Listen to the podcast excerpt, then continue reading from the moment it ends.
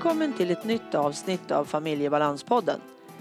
Det här avsnittet görs i samarbete med Comicap, ett hjälpmedelsföretag som du hittar på comicap.se. Gå in där och kolla vad de har att erbjuda i hjälpmedel. I det här avsnittet så pratar jag med Sven. Han arbetar med att hjälpa människor ur sitt dataspels och skärmberoende. Hur gör man då när någon i ens närhet har fastnat i skärmen? Inspelningen görs via telefon. Ann-Katrin Aureliusson heter jag som driver den här podden. Jag arbetar som NPF-coach, handleder personalgrupper och föreläser inom NPF. Och NPF det står ju för neuropsykiatriska funktionsnedsättningar som ADHD, Asperger, OCD, Tourette med flera diagnoser. Om du lyssnar ända till sist i avsnittet så kommer där ett boktips. Och du får väldigt gärna höra av dig till mig så mejla på info familjebalans. Både ris och ros. Jag vill väldigt gärna höra om du har några tankar och idéer angående podden. Välkommen in till ett nytt avsnitt för nu kör vi igång.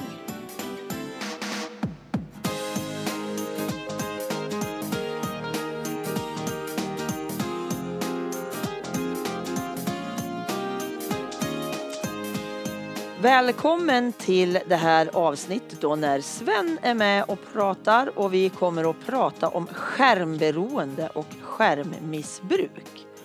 Välkommen till Familjebalanspodden Sven. Tack så mycket.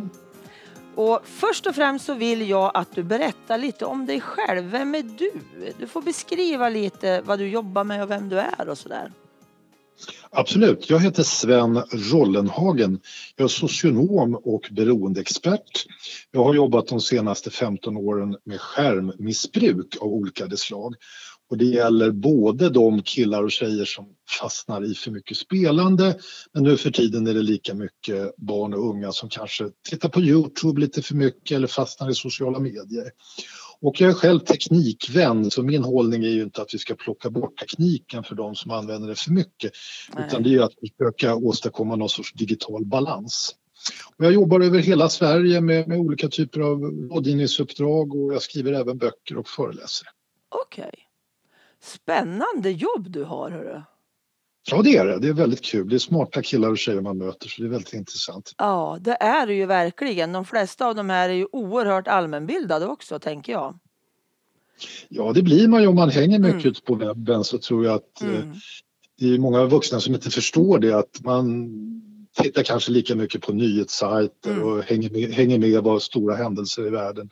Så att det är inte så att man blir någon dumskalle bara för att man hänger vid en skärm.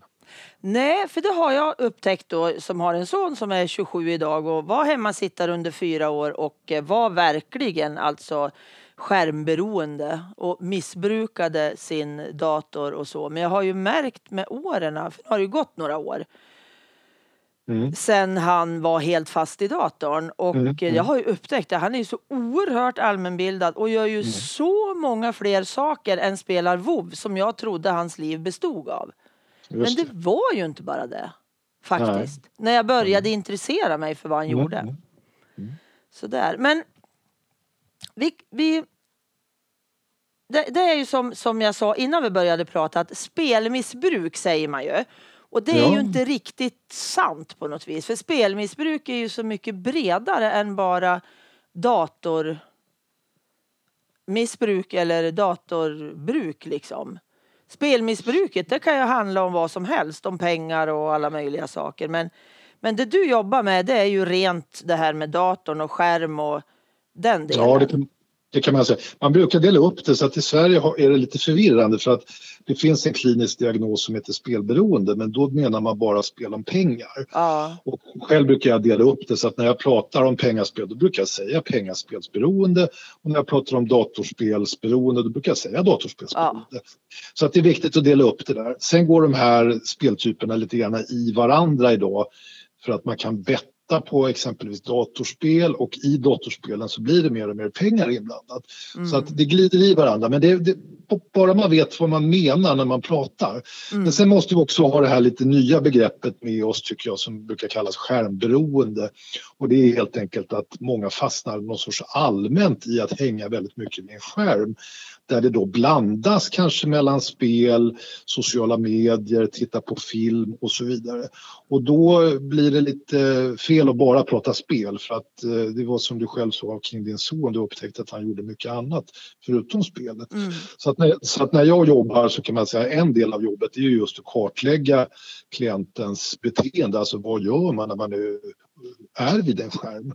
Så att man liksom ja. reder, reder ut också vad det är man fastnar i. För att man kanske kan hantera en skärm jättebra när det gäller nyhetsrapportering och sociala medier men man fastnar kanske i vissa specifika spel. Mm. Och då är det, det, och då är det spelbeteendet man behöver titta på inte de andra aktiviteterna. Nej. Så, det, så det ser lite olika ut, absolut. Ja, men de som hamnar i, vi säger då WoW, WoW World ja. of Warcraft till exempel. Ja. Det måste ju finnas ja. mängder med andra spel som man också är fast i. Ja, det, ju, det, där varierar ju vilka spel som är mest populära. World of Warcraft är ju väldigt speciellt för det är så pass stort spel, det är lite mm. äldre, det är fruktansvärt socialt spel. Men det är också tyvärr uppbyggt så att det är väldigt svårt att spela lite grann. Mm. Jag har själv varit inne och spelat WoW i olika omgångar och försökt spela lite lagom men jag hamnade hela tiden i att jag spelade alldeles för mycket. Jag satt ner 7, 8, 9 timmar per dag. Så jag valde bort det spelet och började prova lite offline-spel där jag inte träffar andra. För det är oftast lättare att hantera eh, tidsramarna för då bestämmer jag själv vilka tider jag ska spela. Men det finns ju massor med spel, Dota, League of Legends eh, och så vidare. Mm. Overwatch, alltså spelgenrerna kommer och går, man lanserar nya spel. Och eh, när man är förälder så är det väl viktigt att just ta reda på som, som du berättade att vad gör min son eller dotter? För att ja. de här spelen, spelen ser lite olika ut hur, hur man använder dem, hur mycket tid man faktiskt måste lägga ner. Så att på samma sätt som när en förälder pratar med ens barn om man kanske vill börja spela fotboll eller, eller, eller börja dansa, då kanske man pratar om ja, vad, vad betyder det här för vår tid och vad betyder det för mm. ekonomin? Eh, om du börjar med den här aktiviteten. Så man borde göra samma sak med spel, tycker att prata med barnen om vilka spel de vill spela innan de börjar. För att är man väl inne i det här spelandet så är det väldigt svårt att backa bandet. Ja, precis. Men jag tänker också, det finns alltså om man tänker sig vissa av de här spelen, min son visade något igår som jag tyvärr inte kommer ihåg. Men alltså det är ju väldigt vackra vyer, det är vacker musik, alltså det är ju väldigt lockande. Och gillar man då historia och lite medeltid som han gör, då är det otroligt lätt att känna en väldigt härlig känsla när man går in i de här världarna. Där jag dessutom då får kontakt med andra människor, jag får socialisera men på ett sätt som gör att jag måste inte möta de här människorna i verkligheten. Mm. Om man tittar på just MPF-delar då som kanske inte gärna har så mycket sociala kontakter på det sätt som vi tycker då på riktigt mm. liksom. Mm. Så att det, det, är ju väldigt lockande med de här och oh ja. allt är oh inte ja. bara, alltså det är ju mycket våld och mycket massa sånt elände. Men det finns en annan sida också. Vet du så? Nej, men det, det, är olika aspekter du tar upp som är viktigt ja. att tänka på. Det, det ena är ju att ja, det är vackert gjort, det är spännande gjort. Speltillverkarna vet hur man ska locka in människor i spelen mm. och hålla dem kvar, för det är ju själva utgångspunkten. Mm. att alla vill att man ska spela mycket på just deras spel och prata bra om dem. Det är en aspekt. Men sen är det precis som du säger att om vi tänker oss exempelvis en en pojke som har misslyckats i skolan som har Asperger. Eh, jag väljer att använda det ordet fortfarande för jag tycker det är liksom enklare att mm. diskutera vad man menar. Och eh, den personen då kanske har lite svårt att möta folk på en skolgård, kanske tycker det är jobbigt med kramar och handslag och svettlukt och stojigt är det oftast i skolor. Eh, samma person kan man se fungerar alltså ypperligt med massor med sociala relationer i just spel eller via sociala medier och liknande. Mm. Därför att då skalar man bort en del av de här kontakterna som personen kan tycka är lite jobbigt. Plus, ja. att man plus att man fokuserar, man drar bort det här ovidkommande som oftast man tycker att här i skolans värld med mycket socialt eh, trams som en del kan tycka och att det är liksom rörigt. Vad håller vi egentligen på med? Nu, spel är ju väldigt fokuserat. Ja. Så att jag, jag brukar faktiskt nämna Asperger som en av de riskgrupper som finns, precis som ADHD och, och ADD. Att om man har de diagnoserna så kan man faktiskt ibland se att man fastnar ännu hårdare än andra personer. Mm. Så, så, att har man ett barn som har en diagnos så ska man vara lite vaksam. Det gäller inte bara spel, det kan gälla mycket här i livet för att man ser att de personerna har en tendens ibland att liksom göra saker lite för mycket. Helt enkelt. Det är svårt med eh, den här så kallade självdisciplinen då att sätta gränser för aktiviteten. Mm. Och det gör att när man då närmar sig de personerna så ska man inte försöka stoppa allting till 100 procent därför att det bästa är om man kan bibehålla de här fördelarna med att spela och vara digitalt aktiv. Och oftast kan man, tycker jag, hitta liksom lite andra spel. Just World of Warcraft är ett svårt spel att hantera tidsmässigt men det finns ju massor med andra liknande spel som inte liksom är uppbyggda på samma sätt. Att man Nej. måste vara inne på så långa tider. Så jag tycker det är en jätteviktig fråga du väcker här, absolut. Ja, för det är ju, det, det, för jag tror ju inte riktigt på det där att man kan ta bort det helt. Det, det kommer ju inte att funka tänker jag, för vi är i den världen nu och i den tiden. Ja, alltså det går väl om, jag brukar lite skoja om det med lite allvar också, att om du är en rik författare Eh, etablerad och lever ensam med en katt, då kan man bo i en stuga i skogen och vara helt digitalt offline. Mm. Men, men i praktiken, hur många lever ett sånt liv? Utan de flesta vill ha digitala relationer, vill hålla på och leka och jobba via det digitala. Så att jag tror att man måste tänka om. Jag tror man måste tänka lite mer som ett matmissbruk. Att det handlar sällan om nollgränser utan det handlar om att hitta någon balans och hitta rätt spel och rätt aktiviteter. Mm. Däremot så kan man, kan man ibland träffa lite äldre människor. De kanske själva vill sluta spela helt och ägna sig åt något annat men då är man oftast vuxen och har sett så mycket negativt runt spelet. Mm. Men, men de unga människor som inte själv vill sluta spela helt, de ska man inte tvinga till det utan det är bättre att försöka addera andra positiva saker, att försöka skapa balans i livet. Ja men exakt. För jag vet när, när du och jag träffades, för vi träffades ju på en sån här anhörig kväll. vi satt i en panel under, det var eh, Stockholms stad som hade bjudit in där människor då, alltså anhöriga till någon ungdom som hade fastnat ja. på något vis. Ja. I datorn och skärmen. Mm. och eh, då vet jag berättade jag då som förälder att eh, när det var som värst hemma hos oss och Marcus satt hemma och jag inte visste vad jag skulle göra. Då tog jag med mig skärmen och nätverkskabeln i bilen. Mm. Och eh, jag vet att du sa fel, fel, fel, fel. Det är inte så man ska göra. Utan, och jag varit jättesnopen för det var det enda jag hade kommit på mm. att jag kunde göra. För, för, och då tänker jag så här, vad, vad, vad säger du? Vad, vad, när någon kommer till dig och säger mm. men hjälp. Mm, mm. Han, han gör inget annat. Han är vaken nej, eller hon nej. är vaken bara på nätten, sover på dagarna. Vad fasiken ska jag göra då? Mm. Jag tror man måste inse sin roll. Det här är egentligen inte konstigare än om en alkoholisthustru ber om hjälp för sin man som dricker för mycket alkohol. Då tror inte jag att man ska se hustrun som en behandlare. Och på samma sätt så tycker jag föräldrar måste lite grann backa i sina roller ibland när det gäller sådana här problem och förstå att jag är faktiskt förälder, jag är inte psykolog eller terapeut. Nej. Att man måste begära hjälp oavsett vem man vänder sig till att förstå att det här kan inte jag hantera längre. Men det man däremot kan göra det är att försöka förhålla sig till hur hur ser det ut om jag har ett barn som är fascinerad av spel och digitala livet? Jo, det är att försöka lära sig om vad barnen håller på med, att själv spela spel, att försöka ändå hitta lite ramar kring det här och då har jag sett det bästa är oftast att addera nya positiva saker. Om man tar exempelvis en person som börjar träna styrketräning eller spela golf eller någonting, då kommer den personen automatiskt att spela lite mindre men göra annat som är roligt. Och då får man bättre effekt än om man rent tekniskt skulle bara börja skriva upp de här tiderna får du spela. Mm. För att många föräldrar försöker sånt. Jag vet inte hur många lappar på kylskåp jag sett i våra svenska hem där man har överenskommelser mellan barn och förälder. För det är en del som ger sådana råd. Kom överens med dina barn. Men det, det brukar inte fungera. Det är mycket bättre att försöka se vad kan jag försöka hjälpa min son eller dotter in i för andra aktiviteter? Eller tillbaks till skolan om man är hemmasittare. Mm. Och det tror jag är bättre än att försöka säga stopp bara. Sen finns det speciella fall om du kanske har ett litet mindre barn, då kanske man ska vara lite handfast och säga nej men nu har jag sagt till dig fyra gånger att du ska borsta tänderna och du gör inte det. Nu lägger vi undan den här paddan eller vad det nu är och, och så gör man det rent fysiskt och så tar sin uh, femåring i handen. Ja. Men det gäller ju generellt att när, när vi uppfostrar barn som är små då, då är vi lite mer tydliga. Men en 17-åring som man behandlar som om man vore fem, det blir ofta kontraproduktivt. Då blir bara 17-åringen arg och, tvär och man skapar en konflikt. Ja precis, att då går det ju inte att nå varandra överhuvudtaget sen.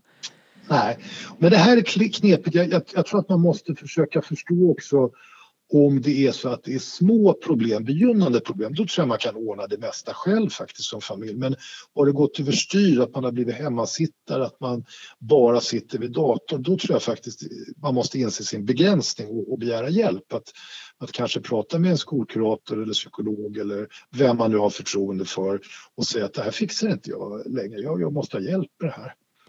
Ja, det tror jag är väldigt, väldigt viktigt att vi lägger våran stolthet åt sidan. Ja, som lite föräldrar. Grann. Ja, och kommer ihåg, vi är föräldrar. Ja, för jag tror att tittar man statistiskt så är det här är ett av de vanligaste bråken, konflikthärdarna i en familj idag i Sverige, det är faktiskt bråk om skärmar. Mm. Jag tror att det har gått om eh, städning och gå ut med hunden och tömma soporna och sånt där. Utan det är väldigt mycket tjafs och även mellan vuxna. Det här gäller inte bara unga ska vi komma ihåg utan det är lika mycket ibland föräldrar som bråkar med varandra om, om när man ska använda sin mobil och sociala medier och liknande. Så det är inget vi behöver skämmas för. Det, här är, det, det är svårt, det är nya fenomen. Vi har inte lärt eh, oss ännu att hantera det här och det, det, det är mycket nytt som vi inte förstår fortfarande.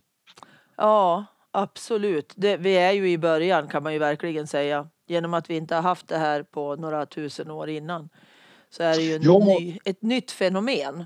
Jo, verkligen. Och det, det, tekniken går snabbare och snabbare och mm. det är mer och mer saker som händer och lockar. Så att vi är väl mitt uppe i någonting som vi får se var det tar vägen någonstans. Men jag tror inte den kommer att försvinna i alla fall, tekniken. Utan det är väl allt talar för att det bara kommer att bli mer och mer och kanske mer integrerat i våra liv framöver. Att vi inte tar det så... Det är lite fyrkantigt idag. Det är lite... Eh, jag brukar prata om eh, digitala dinosaurier som man tar lite äldre människor som inte förstår det här nya och sen de här som har vuxit upp med tekniken. Att det är helt, helt eh, olika typer av människor faktiskt. Ja. Ja, och jag förstår ju att många är, känner sig jättefrustrerade och jätterädda och vad ska det bli av min unge och allt det här. Och jag tror, och jag tänker då tillbaka på min son som det var, det var mellan han var 18 och 22 som han satt ja. vid datorn all vaken tid kan man säga, för det var hans mm. enda sociala ja. eh, möjligheter. För han fixade inte något annat. Det var bara där han träffade sina kompisar. Och jag fattade ju inte då att det var faktiskt en social gemenskap han fick. Jag trodde han var ensam i hela världen men det var han ju definitivt inte när jag har intresserat mig och satt mig in i det mer. Men, ja, men det är riktigt. Mm. Ja, men det är en viktig aspekt, för det, det hör jag många föräldrar oroliga för att mitt barn är så ensamt. Mm. Och speciellt om det gäller neuropsykiatri då så kanske man har haft problem i skolan att barnet har varit ensamt där i skolmiljön. Men som du säger, i den digitala miljön så är det tvärtom. Det är väldigt mycket sociala kontakter. Det viktiga att förstå ändå det är att barn behöver självklart lära sig de här andra skillsen, hur man för sig i det sociala offentliga rummet, hur man är på en arbetsplats, i en skolmiljö och så vidare. Så att det går inte att bara leva ett sånt här liv, även om då vissa försöker det. Men det blir oftast problematiskt för förr eller senare måste du ut och möta människor. Mm. Att det gäller förstås att jobba med att behålla det positiva med det digitala men också försöka se att de här gamla sätten att umgås och vara, de kommer nog att finnas kvar. Ja men absolut. Och de kommer, ofta kommer de tillbaka. För jag tänker min son var ju social som uppväxande unge. Och det var inga problem. Men eh, när, han då, när han började må dåligt och det vart jobbigare och jobbigare för honom då hamnade han ju bakom datorn.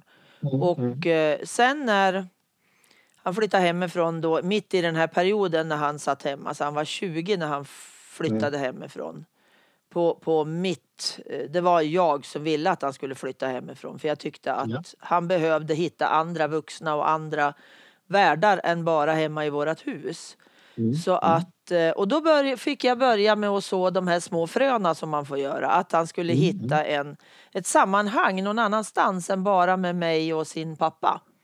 Så att eh, han är ju i en daglig verksamhet idag. Mm, Fast han, är- han är helt normalbegåvad eller snäppet över. Men han har ju då LSS genom att han har en, en Asperger eller autismdiagnos. Mm, Och idag har han ju inte behovet av datorn på det sättet. Nej, för han, nej. och nu har ju han börjat tränat upp sitt sociala Mm. engagemang eller han, han lever ju på ett helt annat sätt Mm. idag. Och det hade jag bra att- Mm. svårt att tro när han satt där vid datorn och knappt det var ju, ja, han var ju knappt vaken på dagarna periodvis. Utan, för han tyckte Mm. det var skönare att vara vaken på nätterna. För då var det ingen som störde. Nej, precis. Nej, men det är bra att du säger det för att ibland när vi pratar om unga människor med diagnoser då, ju, då pratar vi som om det vore väldigt sköra människor, att de skulle gå sönder om man vågar liksom utsätta dem för saker och ting. Och det är faktiskt inte min erfarenhet. Jag tror att man på rätt sätt kan... Det är inte så att man kan lära om. Det här är ju diagnoser som vi troligtvis... Alltså själva beteendet, grunden till diagnoserna kommer ju alltid finnas kvar förstås. Ja. Men det- man däremot kan lära människor det är att förhålla sig till det bagaget du uppför, alltså som du föds med. Mm. För jag ser ju många exempelvis med just Asperger som kan träna upp vissa sociala skills som sakta men säkert kan, kan liksom tänja på gränserna. För att det är inte bra att bara som sker idag tycker jag att många tyvärr föräldrar är så oroliga för sina barn att de ska få ångest och må dåligt. Så bara låter man dem vara i fred hemma framför en skärm. Mm. Och så tycker man det här är bättre än att barnet ska utsättas för ångest i en dålig miljö. Men där kan vi ibland bli lite för överbeskyddande tror jag som föräldrar. Självklart ska man göra det här med försiktigt och det ska vara professionellt. Men eh, jag tror inte alls på att isolera barn som har de här bekymren. Eh, då, då når man ingen förändring alls. Då har man liksom barn som alltid kommer att sitta där hemma. Och det är inte bra. Nej men precis. Nej, jag tror också det här att vi, vi måste våga lite grann. Och jag tänker så här för att våran son tog ju då körkort för ett par år sedan måste det vara. Och eh, på den resan då, då fick han panikångest för att han började ju utsätta sig för helt andra saker. Han åkte bil, alltså han körde flera tusen mil bara Just på det. ett halvår. Men samtidigt så kände jag så här, ja men alltså den där panikångest får vi väl ta hand om den då. Ja, Så precis. den kanske finns lite grann där i bakgrunden nu när det har gått de här två åren. Men jag känner ju ändå att han har ju lärt sig en massa av det också. Jag säger inte att det, är, det är inte, att det inte är jobbigt, för det har varit skitjobbigt under den här tiden. Speciellt för honom som har haft den, men även för oss då, föräldrar som ska rodda det här och hjälpa honom och stötta honom. För det finns ju inte hur mycket hjälp som helst inom psykiatrin om jag säger så. Jag tycker att de, de ibland så tappar de bort sina patienter för att eh, det är inte alltid man får precis så mycket hjälp som man behöver. Så Nej, man behöver nej. kunna en del själv också. Eller ja, våga oh stötta ja. och våga utmana, tänker jag. Ja, det, ju, det finns ju idag också väldigt mycket bra knep i exempelvis KBT-metoder hur man kan hantera eh, jobbiga saker, att man får ångestpåslag och blir stressad och så vidare. Så det finns ju mycket mer hjälp än förr, alltså enkla knep och finter man kan ta till Ja. För att faktiskt hantera även jobbiga situationer oavsett om det är fobi eller tvångstankar eller vad det nu är. Så att det är inte som förr att man är liksom knuten till, eller bunden att måste gå till en terapeut utan det finns ju väldigt mycket hjälp via webben exempelvis där man kan lära Mm. sig saker och, och, och ha ett klart mycket bättre liv, absolut. Ja, och, och tanken med att jag berättade det där, det är ju lite det här att vi ska inte vara rädd ändå för att det kommer något mer som jag inte var beredd på. Någon svacka kommer, det blir jobbigt, men då får jag liksom ta det då. Jag kan inte gå och oroa mig innan att om jag gör så här då kanske det blir så där. Eller om jag stöttar ungen till att våga gå ut ändå. Då. Man kan ju ta det i så otroligt små steg. Mm. För Jo, att det- våga hela vägen fram till slut. Men det kanske inte är fram dit jag trodde som förälder. Nej, nej. För det kanske Ja, men är det- en annan, ett annat mål som kommer som kanske varit ännu bättre än vad jag tänkte. Mm. Ja, men det är klokt. Bra tänkt. Nej, men små steg är viktigt. Det ser väl vi som en, en framgång när vi jobbar med hemmasittare i lite större program. Då, då är det alltid de här små, små målsättningarna. Att liksom kanske ta, ta en promenad bara tio ja. minuter om man har suttit inne ett helt år. Då, då räcker det att ta det lilla steget. Alltså, för det, det är där det kraschar mycket. Det är att eh, folk är ivriga, föräldrar, skolpersonal, guppmänniskor. Man vill ha en förändring omgående och sker inga positiva förändringar omgående då, då, då vill man lägga ner det man håller på med istället för att inse att det här är saker som troligtvis kommer att ta lite tid. Va? Mm. Eh, och att barnet måste sakta men säkert vänjas i ett annat liv. Ja. ja, och så just det här att våga just det här att man vågar backa då när man ser att oh, herrejösses, nu vart det där för mycket fast det där var jättelite, tyckte jag då som förälder till exempel. Jag tyckte att det var, det var ju sånt pytte pytte steg så det borde mm. han ju klara eller hon. Ja. Men mm. alltså då måste jag våga backa igen till den där då, kanske inte ruta ett men ruta ett C. Alltså ja, jag har men, ju ändå men, kommit en liten bit på väg. Mm. Jo, det där är, jag tror det är den tuffaste utmaningen för föräldrar att, att just eh, ta sån tid ibland ja. och att att också förstå att eh, man måste låta det få ta tid. För det, det är nästan aldrig jag ser så här blixtsnabba förändringar, att eh, saker vänder över en natt. Utan det kan vara månader, det kan, det kan vara år. Det viktiga är att se liksom vilken färdriktning man har, att det ja. sker, sker något positivt. Att det är på väg åt rätt håll. Ja, exakt. Men jo, just det här tänker jag med att eh, vi, vi måste ha den där stöttande handen i ryggen. Jag får inte skjuta på och tro att nej men nu, nu går det ju så bra så nu skjuter jag på lite till. Nu ska mm. vi inte öka med två minuter på den här promenaden från 10 till 12 utan nej men nu kan vi ta en halvtimmes promenad mm. för nu går det så bra eller uh, sådär. Och mm. inte det där att jag släpper taget heller och, och släpper nej. den här handen i ryggen utan jag måste vara där där den här ungdomen eller vuxna är.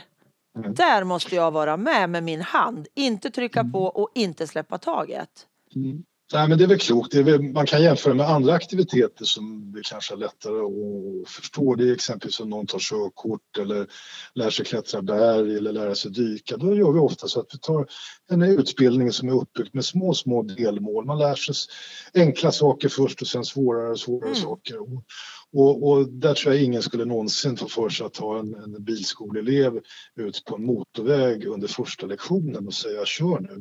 Utan man tar småvägar först och man lär sig växla och stanna och så vidare. Och eh, det är väl det som sker oftast brister tycker jag idag när man försöker hantera hemmasittarproblematik. Att det är lite tvära kast, det är för snabba ryck och man utgår inte från barnets läge utan någon sorts vuxen idé om att nu måste vi öka takten för snart så är det kört. Va? Och det är aldrig kört. Jag har jobbat med vuxna hemmasittare som är 28 år. Det är klart att det går att förändra livet fast man har fyllt 18. Eller att, man kanske, eller att man kanske inte är skolpliktig längre för det är, det är mycket prat om det mm. tycker jag med hemma, hemmasittarfrågan. Att vad händer när barnet inte är skolpliktigt längre? Är det kört? Nej, varför skulle det vara det? Man kan gå folkhögskola eller komvux eller vad som helst. Ja, men Så jag, jag, jag, tror helt att du är inne på rätt spår att försöka ta det lugnt, eh, finnas kvar och hela tiden anpassa sig till var är barnet någonstans? Vilket läge är han eller hon? Ja, jo men absolut det här, för så behövde jag tänka till slut också med, med våran son.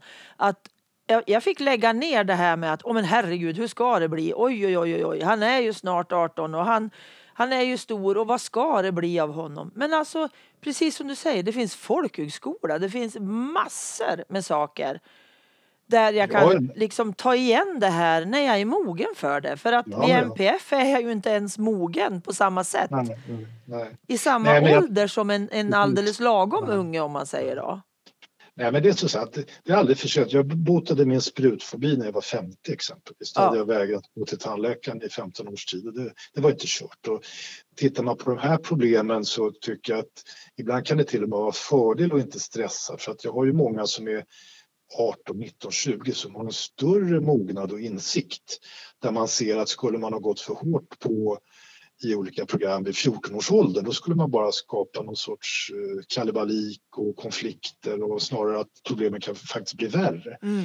Så att eh, jag tror man får tänka lite som man har gjort förut inom missbruksvården. Då har man oftast pratat om att klienten måste själv förstå varför han eller hon ska förändras. Att man ja. kan inte få för mycket liksom jobba i motvind. Och, och, och, det är det här som är tror jag, också extra utmaning som förälder. För vad gör man då om ett barn mår väldigt dåligt å andra sidan? Ska man låta barnet vara i fred? Men det handlar det inte om. Men det gäller att liksom sätta ribban rätt, att förstå att vi kanske inte kan kräva total förändring nu men vi kanske kan se till att barnet borstar tänderna, mm. åtminstone går ut tio minuter varje dag. Att man förstår att de här sakerna kan vi göra nu. Sen får vi kanske ta större förändringar om ett halvår, om ett år. Oh. För att oftast är föräldrar eh, stressade över att tiden går. Mm. Men det tycker jag inte man ska göra så länge man eh, man har någon pågående verksamhet. Det, det, det är värre om man möter barn som inte har någon insats alls då är det riktigt illa när man ser att bara barnet går ner sig. Det är värre och värre. Mm. Men nu pratar jag om att man har en pågående kontakt, någonting händer, någonting är på gång. Mm. Då ska, då, och, och, det är därför jag tror man behöver professionella behandlare också som, som inte blir stressade, som förstår att det tar tid. För det ligger lite i föräldrarollen kanske att vara orolig och stressad kring sina barn. Den, det måste vi nog lära oss leva med, vi som är föräldrar. Man kommer alltid, oavsett ålder, vara lite oroliga för sina ungar oavsett om de är 20 eller 30 eller 40.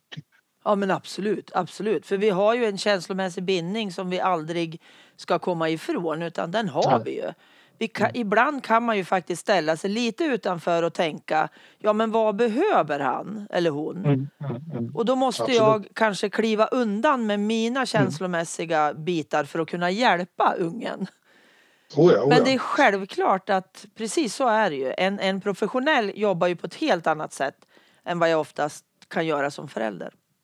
Ja, och det, det, det är då man också kan uh, våga backa som förälder. Det ser jag tydligt att är det föräldrar som förstår att ja, men nu får min son eller dotter hjälp, då kan mm. man lite lättare mm. eh, faktiskt backa några steg och ja men okej nu är det andra som är inne här och hjälper till. Jag, jag behöver inte vara överbeskyddande och kontrollera Nej. allt.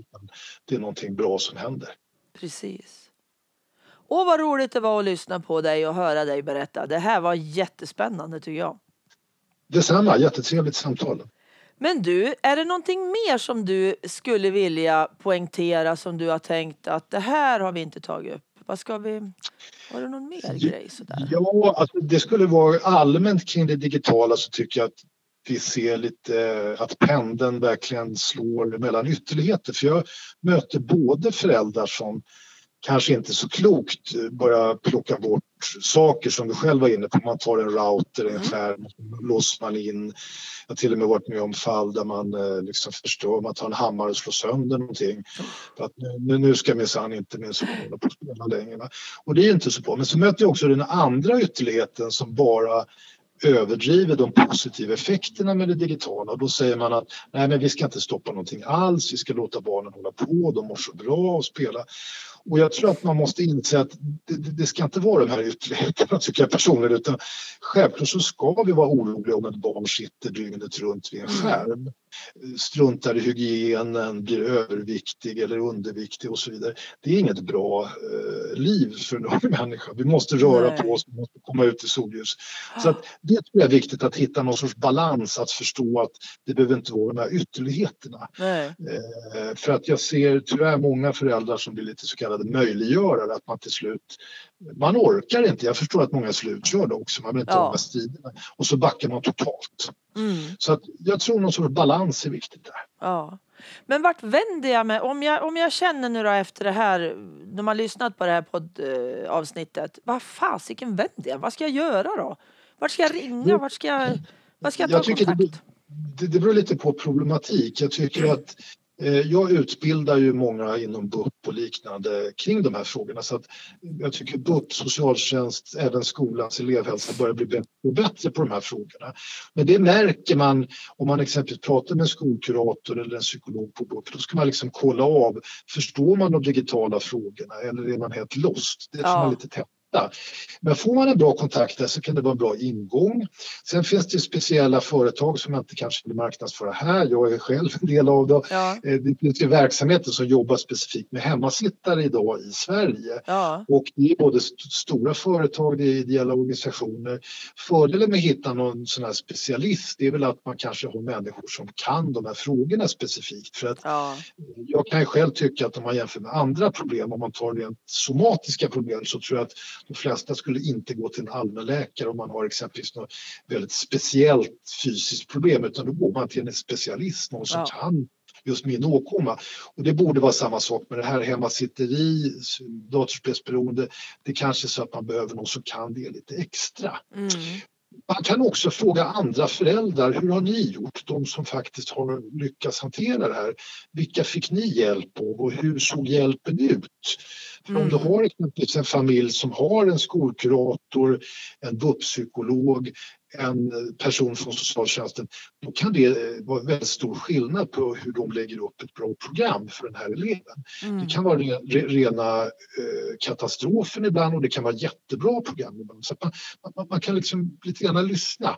Oh. Det viktiga tror jag det är att försöka ändå våga tidigt ta hjälp, att man inte sitter för länge själv med problemen så att man har den där 25-åringen hemma som har blivit vräkt från sin bostad och mm. blivit av med ett jobb. Utan jag tycker man ska gå in redan kanske i 10, 11, 12-årsåldern om man ser tendenser till att det blir problem. Ja. Eh, är det neuropsykiatri har vi förstås Attention, en jättebra organisation som jobbar med olika verksamheter kring just eh, Nätkoll.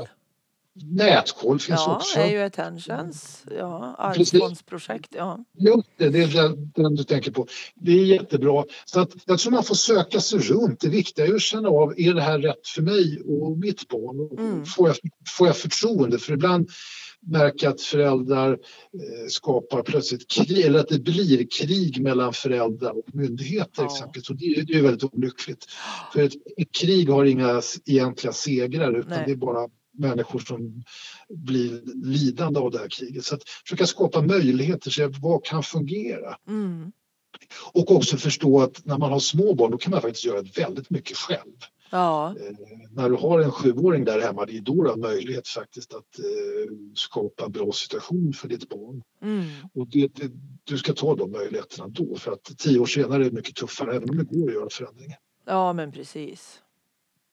Gå in tidigt som i alla lägen tänker jag. Inte vänta tills det har gått en massa tid och det blir jobbigare. Det är ju lika med alla delar faktiskt. Jag tror det. Jag tror också att idag vet vi mera hur neuropsykiatri fungerar. Vi har ja. mer forskning och studier på vad är det för någonting. Framförallt hur mår de här barnen Alltså i vilka lägen mår de bäst? Vad är det för förhållanden de behöver? Mm. Och den kunskapen finns ju där, det är ingenting nytt alls. Nej, är, nu har det gått så många år så att vi vet ju faktiskt hur både ADHD och Asperger fungerar. Mm. Sen finns det en skala eh, ja, när det gäller hur, hur allvarligt det är men mm. själva grundfrågan är ju ganska klar hur det här fungerar. Precis. Men eh, då tackar jag så mycket Sven för att jag fick ha med dig i ett eh, poddavsnitt. Det här har varit jättespännande. Det är jag som får tacka dig för att jag fick vara med. Jättekul. Tack så mycket. Hej då. Tack och hej.